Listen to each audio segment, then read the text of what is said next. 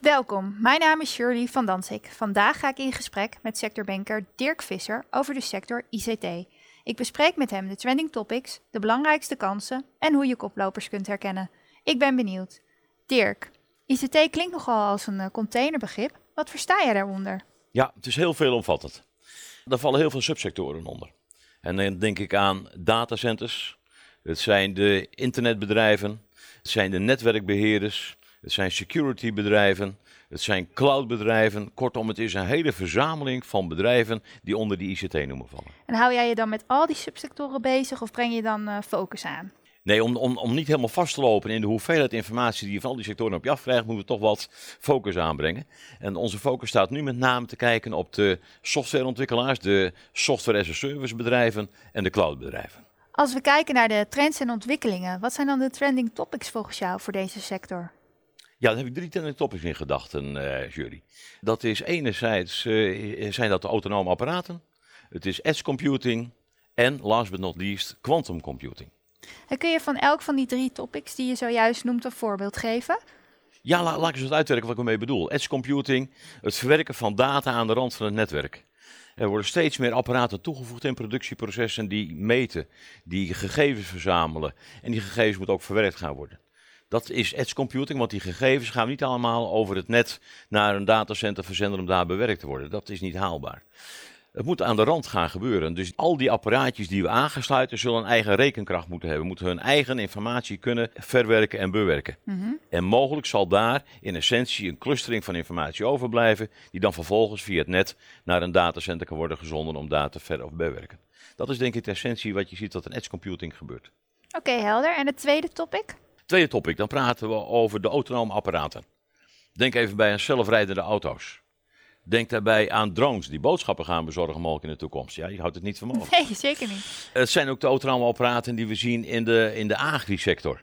Waarbij boeren niet meer zelf alles doen, maar waarbij inmiddels apparaten voor hem het werk doen.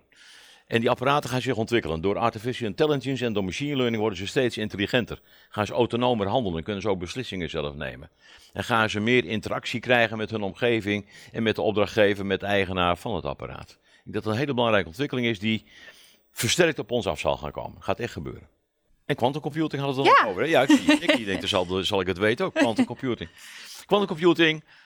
Een nieuwe techniek. Een nieuwe techniek van, van hoe, gaan, hoe werken computers. De oude computers, we, we snappen het allemaal nog, het ging met bits. Met enetjes en met eentjes en met nulletjes. Heel helder, heel duidelijk. En met een bepaalde verwerking. En als je nu kijkt naar de verwerkingssnelheid van computers. En je vergelijkt het met quantum computing, die gebaseerd is op kwantummechanica. Die met qubits werken. Mhm. Die eigenlijk alles kunnen zijn. En dan hou ik het even op bij die techniek. Dan zie je dat daar een enorme rekenkracht ontstaat.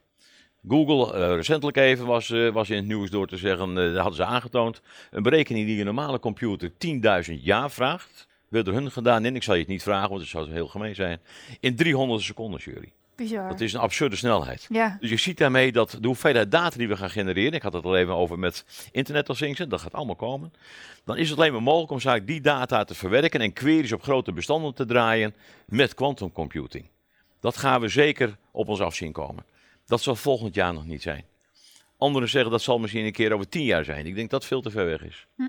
Ik denk realistisch dat tussen de drie en vijf jaar we de effecten van quantum computing gaan ervaren op de verwerking van data zoals we er nu mee omgaan. Belangrijke ontwikkeling. ja, zeker. Ja. Het eind van 2019 is bijna in zicht. Wat zijn jouw verwachtingen voor de sector in 2020? Ja, nog steeds positief. We waren natuurlijk in 2019 al positief voor de sector. We gaven aan toen een groei van tussen de 4 en 5 procent. En ik denk als we kijken, ondanks alle economische verwachtingen en soms recessieberichten, dat we er toch vanuit gaan dat voor de ICT-sector een groeicijfer van tussen de 3 en de 4 procent haalbaar moet zijn. Elk jaar overtreft trouwens de sector steeds weer de verwachtingen die we als banken uitspreken. Leuk om dat weer te zien. Ik zie met veel spanning alweer uit naar hoe ze onze verwachtingen weer gaan overtreffen. Maar een groeicijfer in deze huidige economische omstandigheid is best heel positief.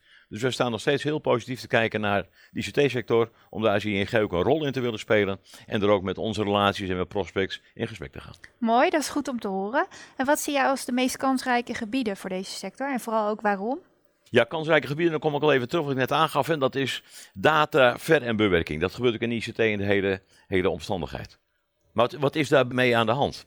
We zien dat natuurlijk global heel veel data toename zal komen. We hebben daar recentelijk een onderzoek voor gedaan, is ook gepubliceerd. Ja. En schrik niet, als ook landen als Azië en Afrika, de inwoners daarvan, toegang tot internet gaan krijgen, dan gaat het een enorme stijging van data teweeg brengen. Pak even voor jezelf. Als je je telefoontje pakt en je twittert met je vriendin, ik weet niet of je het doet.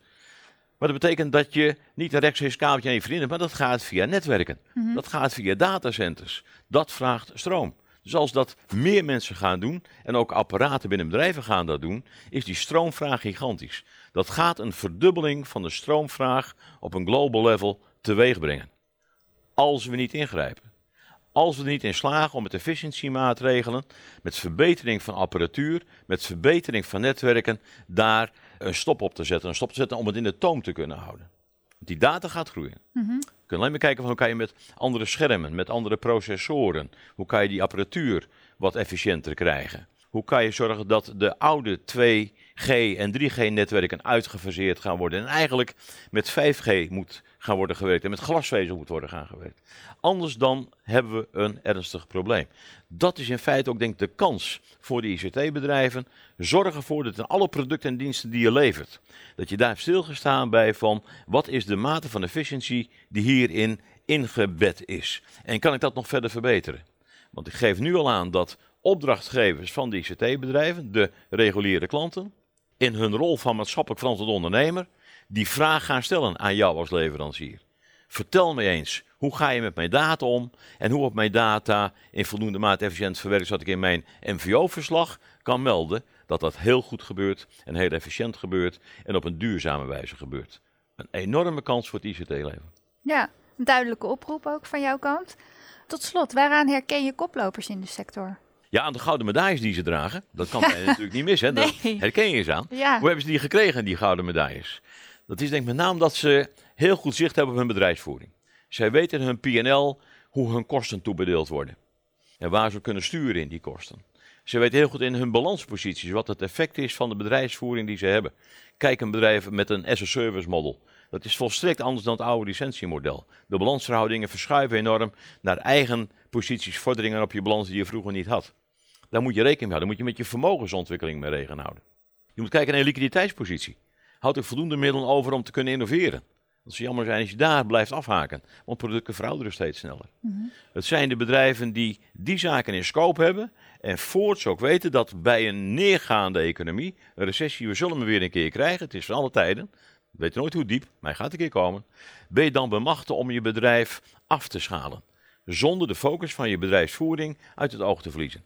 Dat zijn, jury, de toppers in de sector. Duidelijk, Dirk. Dankjewel. Ik vond het een leuk gesprek. Ik ook. Ik kan mij voorstellen dat jij als kijker of luisteraar geïnteresseerd bent in extra informatie over deze of andere sectoren. Ga dan met ons in gesprek of kijk hiervoor op ing.nl/sector. Bedankt voor je aandacht.